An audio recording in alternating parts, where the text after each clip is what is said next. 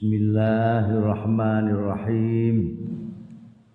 Qala al-muallif rahimahullah wa nafa'ana bihi wa bi ulumihi fid dharain amin.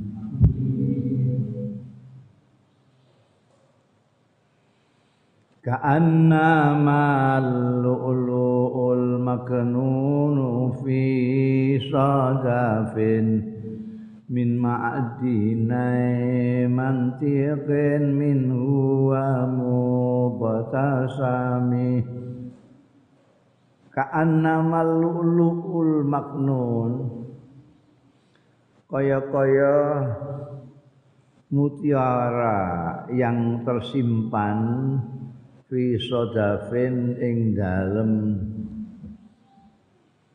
kerangnya mutiara itu kan dari kerang. Kerang itu ono sing dipangan, ono sing kemudian ilalnya itu jadi mutiara, membeku putih. Wah itu yang masih asli masih di dalam kerangnya itu. Min makdinai mantikin saking tempat asalnya makden itu mak, apa namanya tambang. Tambang itu kalau untuk emas, untuk perak, untuk yang digali di dari dalam tanah. Kalau lulu ini dari dalam laut.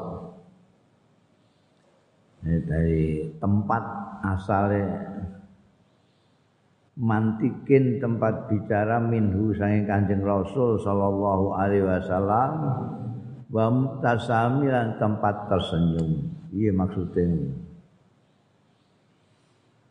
Ini yang di dalam ilmu kesusastraan Arab disebut tasbih makhluk. Maksudnya itu mutiara yang masih tersimpan di kerangnya itu. Itu sebetulnya bukan dari laut. Dari mana? Dari mulutnya kanjeng Nabi. Mulutnya kanjeng Nabi itu di situ ada tempat bicara beliau, tempat tersenyum beliau.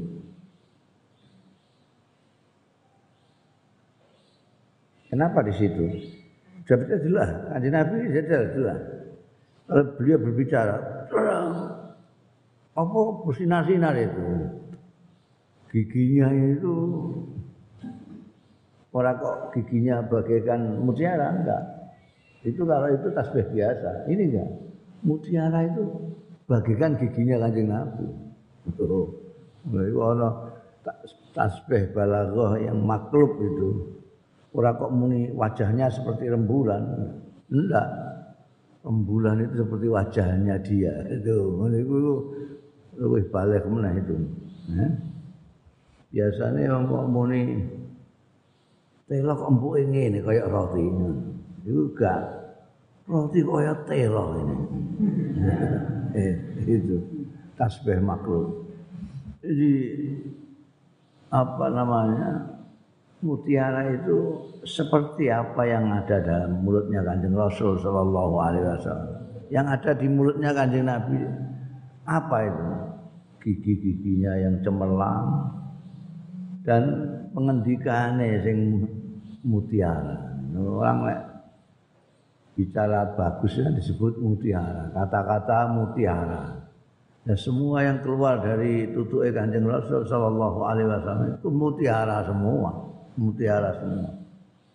Bisa dilihat sekian ribu hadis yang dikumpulkan oleh ahli-ahli hadis itu. Itu semuanya kata-kata mutiara. Jadi mutiara yang ada di laut itu itu jane memper kalau Nah itu yang ada di dalam mulutnya kanjeng Rasul Sallallahu Alaihi Wasallam. Ini tasbih yang balik.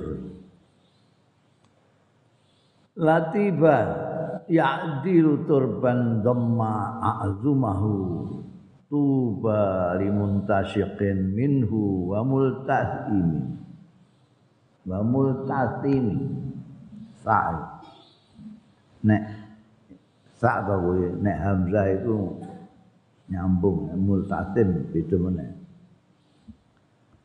Ora ana gondo wangi yak dilu sing madani turban ing lemah doma sing mengku sing merangkul azumahu ing tulang belulange Kanjeng Rasul sallallahu alaihi wasallam Tuba, bejo kemayangan temenan. Limun tasikin tumrape wong sing iso nggondo menghirup minhu saking turban wa multasimi lan iso mengecupna. Mane kowe kudu duwe cita-cita mara sowan Kanjeng Rasul sallallahu alaihi setelah Kanjeng Rasul sallallahu alaihi wasallam wafat dan dikebumikan, maka tidak ada tanah bumi yang lebih harum maunya melebihi tanah yang dibuat untuk menanam, mengebumikan Kanjeng Rasul sallallahu alaihi wasallam. Jadi bahagia sekali orang yang sempat bisa mencium tanah di mana Kanjeng Rasul dikebumikan di Madinah kon. Nah, orang di sana kan pada sujud. Orang di Madinah sujud itu akan merasakan aroma harum dari baunya Kanjeng Rasul sallallahu alaihi wasallam yang dikebumikan di situ.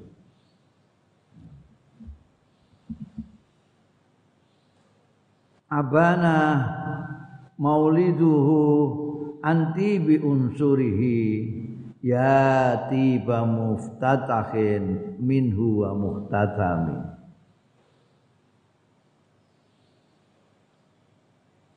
Mertelakno abana kuwi mertelakno apa maulidu kelahirane Kanjeng Rasul sallallahu alaihi wasallam. Anti bi unsil ngumumno saking baguse unsure Kanjeng Rasul sallallahu alaihi wasallam. Banyak kelahiran-kelahiran bayi banyak sekali tapi yang unsurnya seperti kanjeng Rasul tidak ada. Karena itu kelahirannya itu mengiklankan, mengproklamasikan akan hebatnya unsure kanjeng Rasul. Ya tiba muftatahin, eh tak bagus-bagusnya sing dibuka minhu saking anjing rasul wa muhtatami lan sing diakhiri Di ketika kanjeng Rasul Shallallahu Alaihi Wasallam lahir, itu sudah ada tanda-tanda di dunia ini yang menunjukkan ini telah lahir seorang bayi yang unsurnya lain daripada yang lain. Ibaratnya kalau semua manusia itu batu, ini batu mulia. Berlian itu juga batu, tapi regane larang. Kerikil itu ya watu, karena regane. Ini karena unsurnya berbeda. Jadi, Jeng Nabi disebut yatiba muftatahin minhu wa muftatam yang awalnya akhirnya barang bagus semua. Nek wong kan kadang-kadang awitane elek ngurine apik. Kadang-kadang awitane apik ngurine elek. Kadang-kadang ngarepe apik tengahe elek ngurine apik neh elek neh. Ngono Nabi ndak konstan baik terus sampai akhir. Dunia sudah nalika kelahirannya beri tanda-tanda. Yaumun tafarrasa fihil fursu annahumu. Qad undiru bi hululil bu'si wa niqami nukisra wa huwa munsadiun kasam li ashabi kisra ghairi multaimi nah iki multaim. Mau multasim yauma tafarrasa yauma gak ya yaumun ya. Pada hari ngeramalno berfirasat fihi ing dalam yaum sapa al fursu orang-orang Parsi. Parsi itu sekarang Iran itu. Dulu namanya Parsi. Parsi pada waktu itu adalah negara adik kuasa yang kedua setelah Rom. Jadi pernah dunia ini negara yang besar itu Rom sama Rom di barat dan Parsi di timur. Kemudian ada Amerika dan Uni Soviet. Sekarang naga-naganya Amerika dan Cina adik kuasanya. Pada waktu itu Parsi negara besar, punya jajahan di Timur Tengah. Irak segala macam itu dulu jajahannya Purs. Sementara Sam jajane Rom. Yauma tafarrasa fihil fursu. Orang-orang Parsi pada waktu itu sudah berfirasat. Annahumu setuhune furs Qad unziru Teman-teman wis diperingatno Ya furs Bihululil buksi Kelawan datangnya bencana. Wanakomilan komilan bahaya-bahaya. Wabata lan suwengi bedetet apa iwanu kisra? Balairung kisra kisra itu rajanya Parsi penguasa Parsi itu Kisra panggilannya. Panggilannya ada Kisra satu, Kisra dua, Kisra tiga. Kalau di Rom, Kaisar, Kaisar, Kaisar, Kaisar. Kalau di Mesir, Fir'aun, Fir'aun satu, Fir'aun dua. Kalau di Jogja, Hamengkubuwono. Sekarang Hamengkubuwono ke sepuluh. Kisra itu penguasa Parsi. Iwanu Kisra, balairungnya Kisra itu tempat di mana Kisra penggedenya Parsi itu menerima tamu, menerima punggawa, menerima siapa saja lah itu. Koyok pendopo. Dan itu bagus sekali. Banggaannya orang Parsi itu Iwanu Kisra. Tempat yang paling indah saiki istana lah istana negara wa huwa utawi Iwanu Kisra munsadiun sentet. Sentet itu apa? Bahasa Indonesia Hah? Retak hmm. wis Indonesia wong biasanya gak ono sing iso gede cara Indonesia. Retak sentet, munsadiun retak. Kasamli ashabi Kisra kaya dene eh, ikatan keluarga-keluarga Kisra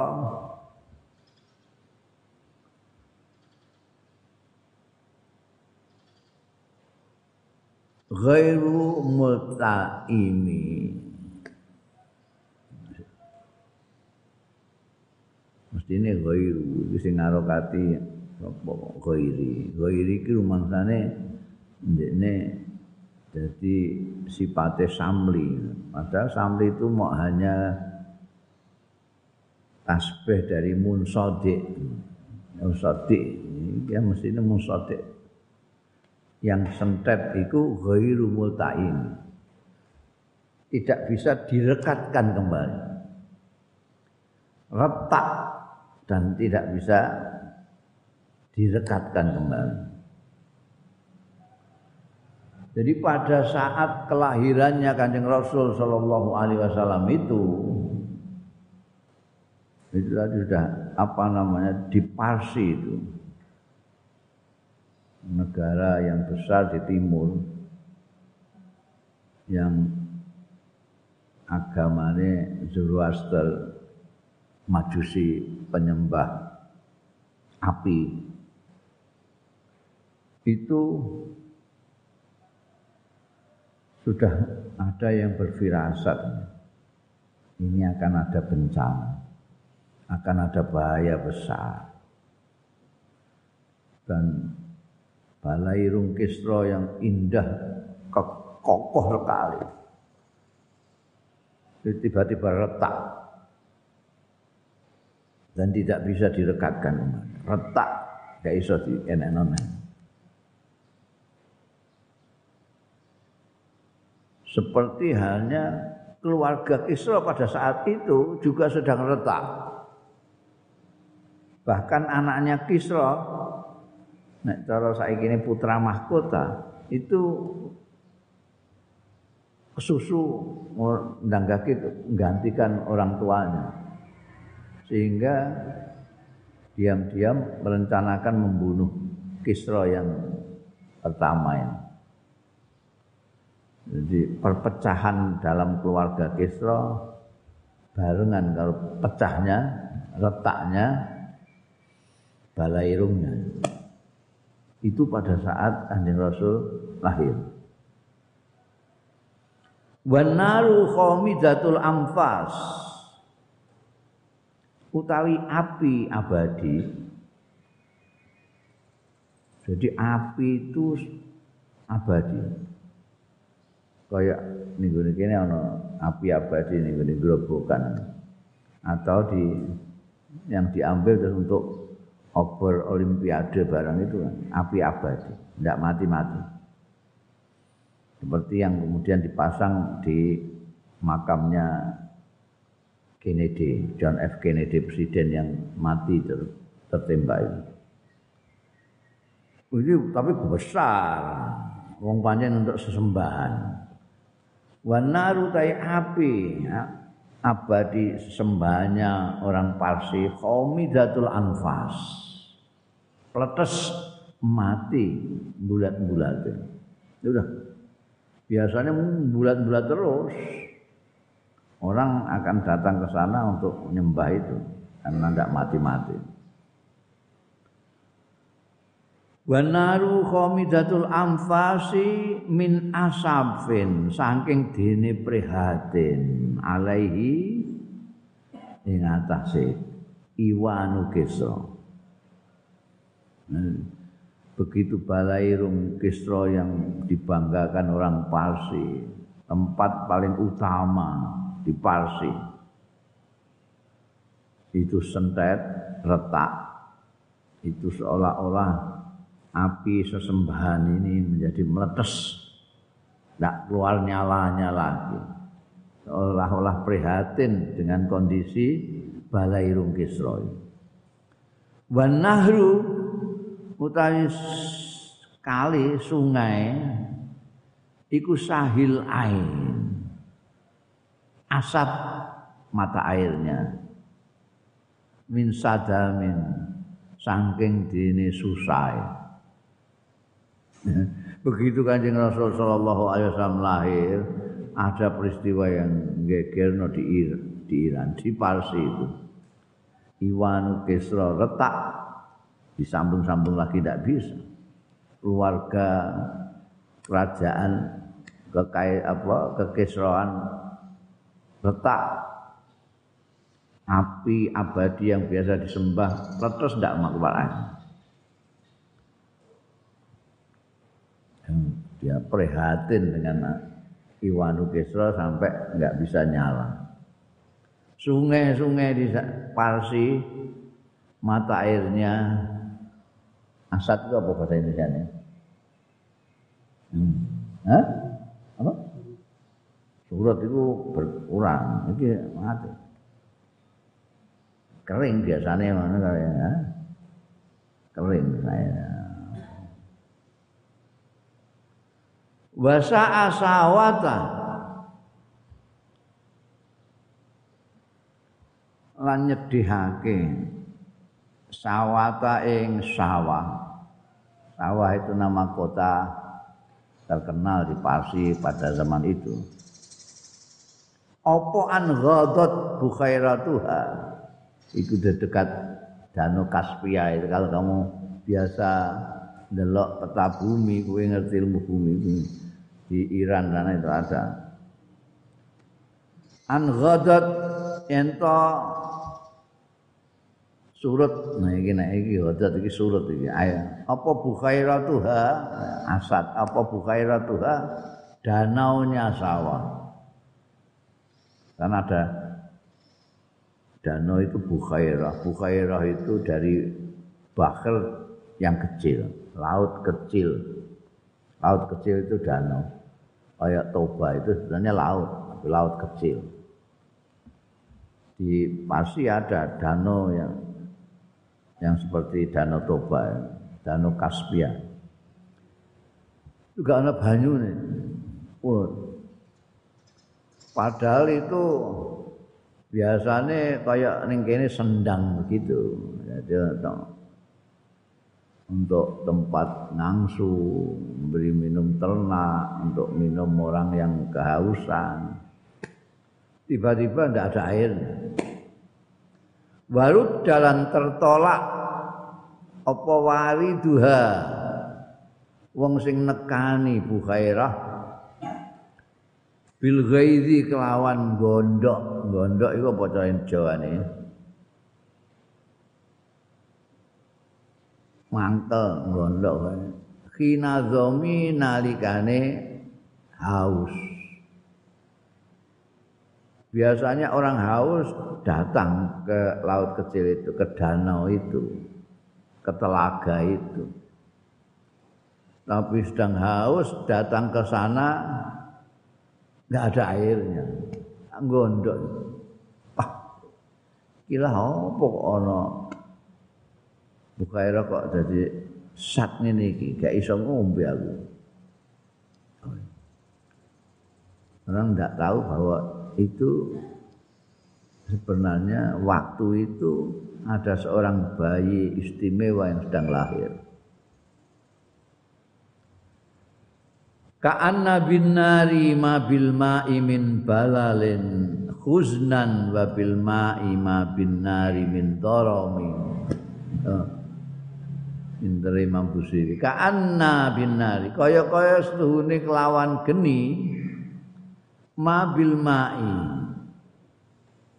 Apa barang bil ma'i kang ana ing banyu biasane. Bayane ma bil ma'i min balalin nyatane teles. Kenapa? Khusnan krana sedih wabil ma'i lan kaya-kaya ning banyu ma apa barang binari kang biasane ana ning geni.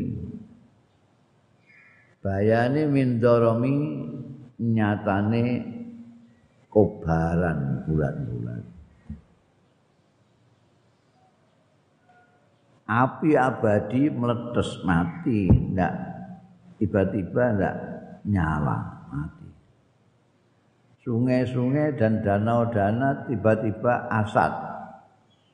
Sumber mata air dan danau tiba-tiba asat. Ini kok kaya-kaya yang di api ini yang biasanya nyala ini ternyata mungkin di sana ada balal, ada sifatnya air. Sementara yang di danau dan di sungai ada dorong, kobaran api. Karena di api abadi ini seolah-olah ada teles-teles, jadi mati anunya apinya. Sementara di sungai dan danau, karena di sana seolah-olah ada bara api, jadi airnya jadi sat surut. Eh, eh, imajinasi ini Imam Busiri mengaruh dari lahirannya kanjeng Rasul Sallallahu Alaihi Wasallam.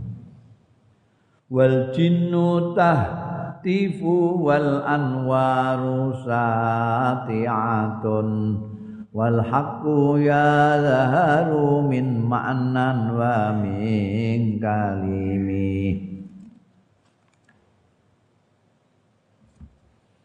wal jinnu tawi jin tahtifu. Iku berbisik-bisik ya jin. Medeni wong kowe nek menangi. Wal anwaru. Wan cahaya-cahaya. Iku saatiatun tiba-tiba sangat cemerlang. Wal haqqu lan kebenaran. Yadharu pertelo min makna saking makna wa min kalimi lan saking ucapan-ucapan pada saat lahirnya Kanjeng Rasul sallallahu alaihi wasallam tiba-tiba semua yang bersinar sinarnya menjadi besar.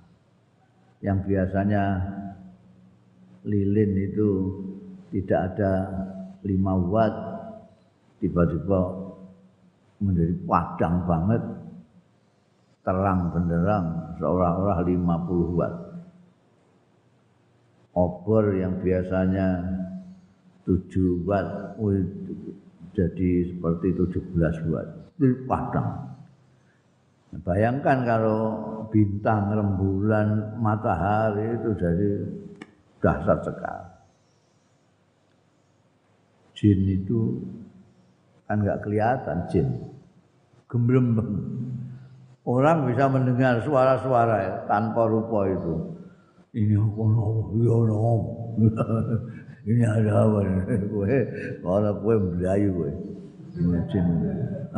Orang jin gemblembeng memang ini ada apa, ini ada apa. Suara-suara seperti itu. Sementara kebenaran itu menjadi cepat. Setiap orang ngomong itu ketok bernasnya. Ngomong biasanya ngawur. Ini tidak ada yang geneman kecuali kalau genemannya itu benar. Luar biasa. Tapi wong dasar amu wasamu fa'ilanul basyairi lam tusma wa barikatul inzari lam tusyam. Wong-wong iku amu padha buta mereka itu buta. Nek ndelok sadurunge berarti ini ya masih Indomil ya ning orang-orang pasti tadi. Polset Orang-orang pasir itu ada begitu itu. Ya mau, lu ini kenapa? Mau nonton ini kenapa? Mereka buta.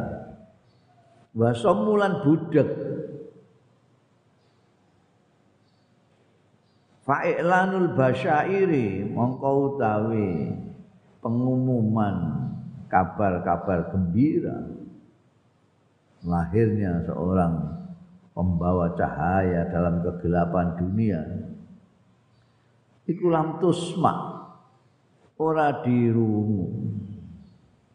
Iklan itu kan pengumuman buanter itu proklamasi halo halo halo kabar gembira kabar gembira. Ora dirungu wong mereka budek somu wa barikatul inzal lan cemerlangnya celem lerete peringatan awas siapa-siapa yang berbuat jahat awas. Itu koyok kilat hari kotul inzal Tapi ya lam tusami ora didelok. Ora terlihat, lam tusam tidak terlihat. Kenapa? Karena mereka amu, buta. Karena buta, bari kotul inzal tidak terlihat. Karena budak, basyair tidak tusma, tidak dengar. Berita-berita gembira tidak mereka dengar, kilat yang menunjukkan peringatan kepada orang-orang yang tidak benar tidak terlihat oleh mereka. Na'amu wasomu.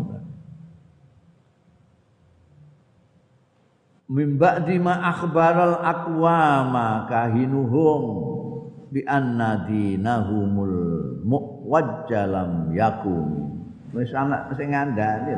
Biasane yang dipercaya mereka itu ya kahin mereka mimba dima akhbar saking sakwise ento ngabari al aqwama ing wong-wong kaum-kaum sudah diberitahu. Sapa sing ngabari? Kahinuhum.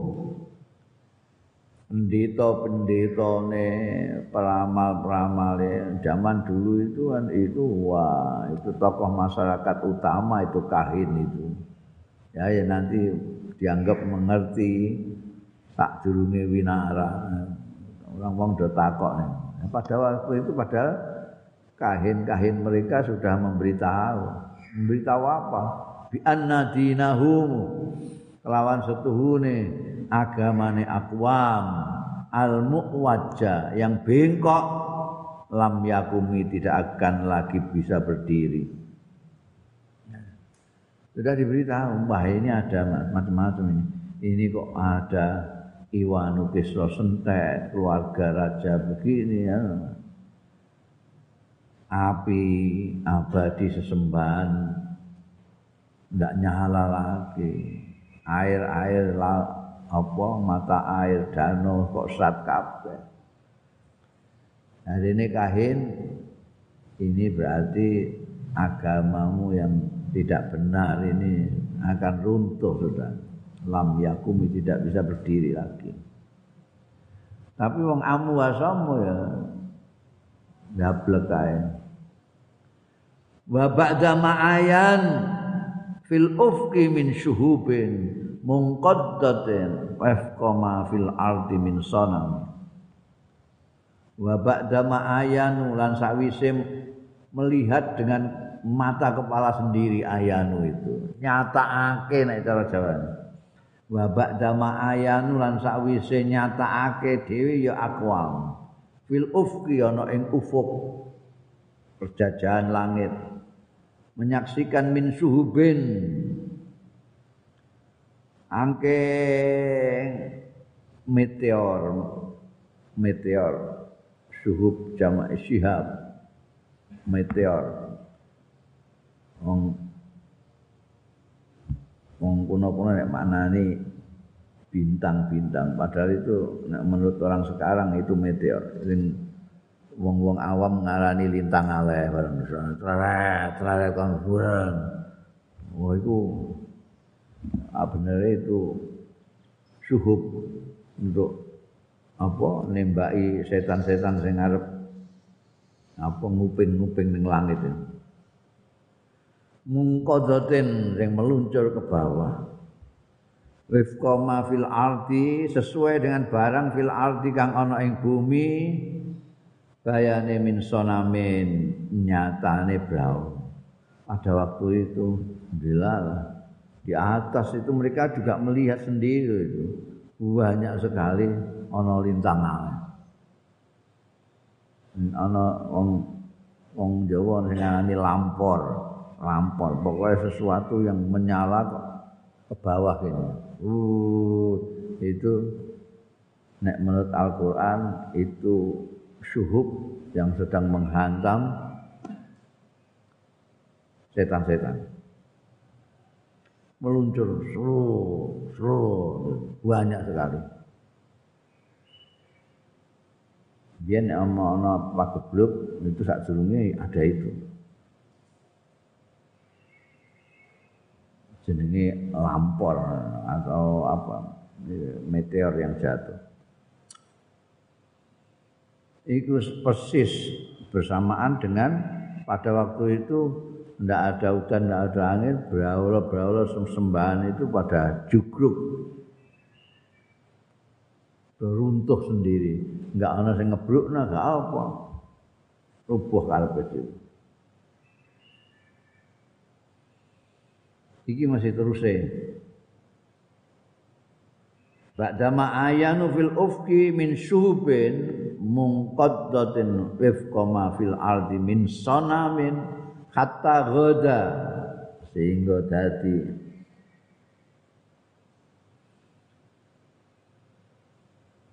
ya sanam apa antarikil wahyi saking dalane wahyu munhazimun Kata ghoda antori kil wahyi sapa munhazimun. Ghodane faile zahir aja mbok kae mang kliru mang. Kata ghoda sehingga dadi antori kil wahyi. Awan-awan antori kil wahyi saking dalan wahyu apa munhazimun sing keplayu. Minas sayatini saing setan-setan. Yakfu ithra munhazim sing ngiringi ya munhazim isra munhazimi di belakang sing melayu nah, lebut ducung menurut cara Jawa. Jadi eh, mereka itu pada melihat di atas itu ada meteor berjatuhan. Ini sebetulnya suhub yang sedang menghantami setan-setan yang mau nguping di wahyu. Jadi malaikat itu mau turun itu mereka bicara-bicara malaikat itu setan ini nguping. Nguping terus nanti diberitahukan sama tukang-tukang nujum itu, dukun-dukun itu. Padahal yang ngupingi ya sidik-sidik sing terdengar mak sidik-sidik ini ini ini dikandakno. Terus tinggu ngeramal lek dukun niku. Jadi dukun itu dari setan-setan sing nguping imam. Tapi pada waktu lahirnya kanjeng Rasul Shallallahu Alaihi Wasallam itu disawati kan malaikat dengan itu dengan meteor-meteor do mlayu do mlayu rebut ducung ini mlayu ditututi sing mlayu neh ditututi mlayu neh munhazimun yakfu islamun hazimi rebut ducung bahasa Jawa ini. Wah. Ya, mulane tambah saiki wis ora ora cocok blas tukang ramal iku eh wis soalnya wis disawati wis gak iso ngei kabar apa-apa berita ya saiki mbodoni setan iku mbekan dukun-dukun itu. Mereka wis ora iso ngrungokno men. Ya zaman Kanjeng Rasul lahir oh itu mereka udah sewawati melayu kabeh. mlayune iku ka'annahum haraba ka'annahum haraban abtalu abrahatin au askarun bil hasa min rahataihi rumi. Nabdzan bihi ba'da tasbihin bi batnihima nabdzal musabbihi min ahsa'i multaqim. Hmm. oh, geneman um, ini jadi semua yang ada di sejarah itu tidak ada tidak ada enosiji ini bait-bait Imam Busiri mulai dari tadi itu mati api sesembahan tadi sampai setan sing do mlayu. Ka'annahum kaya-kaya setan-setan sing do haroban. Dalam hal melayu nih kaya abtalu abrahatin kaya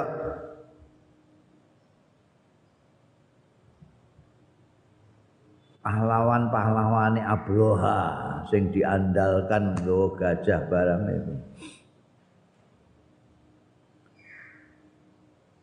Pahlawan-pahlawane au askarun utawa pasukan. Au askarun utawa pasukan bil hasa kelawan kerikil min rohatei saking epek-epek lorone Kanjeng Rasul sallallahu alaihi wasallam rumia sing dilemparkan ya askar. Ya kaso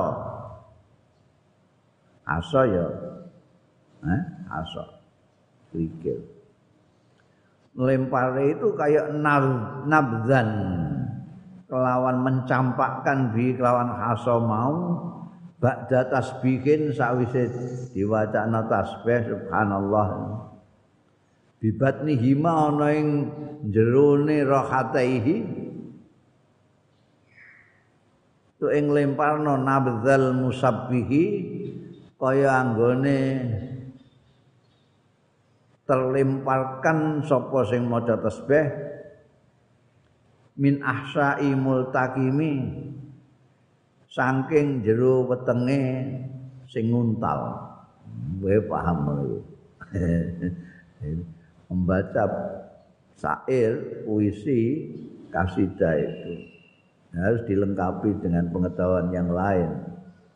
Kalau tidak ya enggak mudeng. Ini seperti ini kalau tidak dilengkapi dengan pengetahuan sejarah, ya mudeng belas. Setan-setan yang berlarian itu seolah-olah tentarane Abroha. Kan orang kayak nggak ngerti ceritanya Abroha kan dia terus bingung. Tentaranya Abroha itu apa? Tentaranya Abroha yang pakai gajah itu loh mau menggempur Mekah itu.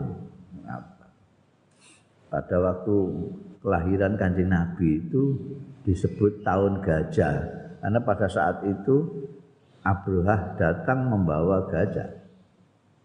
Ini abdul. Lari semua. Kenapa? Karena dilimpari ababil. Dilimpari burung yang membawa eh, Itu kan pada Melayu. Itu setan-setan yang lari dari Torikil Wahyi karena dilempar oleh suhub itu ya kayak itulah tentara-tentaranya Abroha. Atau kayak ini kayak pasukan yang dilempar kanjeng Nabi dengan kerikil. Kanjeng Nabi itu pernah musuh itu dilempar kalau kerikil. Kerikil diwaca nosek, ditasbih sek. La ilaha anta subhanaka inni kuntu minadh-dhalimin. La ilaha illa anta dilempar. Ngelempar iki ngono kuwi bere. Kaya Nabi Yunus dilemparno ikan paus. Nabi Yunus itu pernah ditelan ikan besar. Terus tidak ada yang bisa dilakukan. Wow, peteng dedet. Karena petengin Nabi Yunus itu karena beliau di dalam perutnya ikan ikannya di dalam lautan. Lautannya pada waktu itu malam hari. Pada waktu itu hujan sisa. Ini bayang. Jadi zulumat itu gelap itu tidak seperti yang dirasakan Nabi Yunus. Gelap malam, gelap hujan, gelap lautan, gelap ning jero wetenge. Tapi karena beliau terus bertasbih la ilaha anta subhanaka inni kuntu minadh zalimin la ilaha illa anta subhanaka inni lama mau panas mbok piye iwak iki terus dilemparkan Ber. dilemparkan Ber. iki dilemparno Nabi Yunus dilemparno oleh ikan ke daratan koyok setan-setan mau belayu jadi Ya kaya krikil-krikil yang disawatno Kanjeng Nabi setelah dibacakan tasbih. Krikil yang ada di Kanjeng Nabi ini kayak Nabi Yunus. Jadi karena kalau Nabi Yunus maca tasbih dhewe iki diwacana tasbih mbek Kanjeng Rasul. Sawatno. Jadi sekaligus bed ini Eh, menyipati larinya setan-setan tadi sekaligus menceritakan soal tahun di mana Kanjeng Rasul Shallallahu alaihi wasallam lahir yaitu Abroha menyerang alam taro apa alam taro kaifa fa'ala rabbuka bi ashabil fil. Itu ashabil fil itu abtalu Abroha ini sekaligus menceritakan tentang pasukan yang dilempar kerikil lembek kanjeng Nabi. Sekaligus menceritakan ceritanya Nabi Yunus yang dilemparkan oleh ikan saat beliau membaca tasbih. La ilaha illa anta subhanaka inni kuntu minadz zalimin. Mulane kiai-kiai biyen yang ada kemelut yang sangat gelap kita peteng kok dedet ini peteng dedet itu sudah peteng yang tumbuk-tumbuk nanti kalau orang sedang mengalami peteng dedet yang dibaca itu nah gue jaluk ijazah kiai kayak itu la ilaha illa anta subhanaka inni kuntu minaz zalimin. La ilaha illa anta. Tapi ya gak pedot-pedot. La ilaha illa anta subhanaka inni. Itu naik pandemi ini mbok anggap peteng dedet. Niku mbok waca buan terus dan cangkem nganggur maca la ilaha illa anta subhanaka inni kuntu minaz zalimin. La ilaha illa anta subhanaka inni kuntu minaz zalimin. Nanti gak kuat pandemi ini ikan paus saya gak kuat kok ya jaat li dakwatihi wallahu a'lam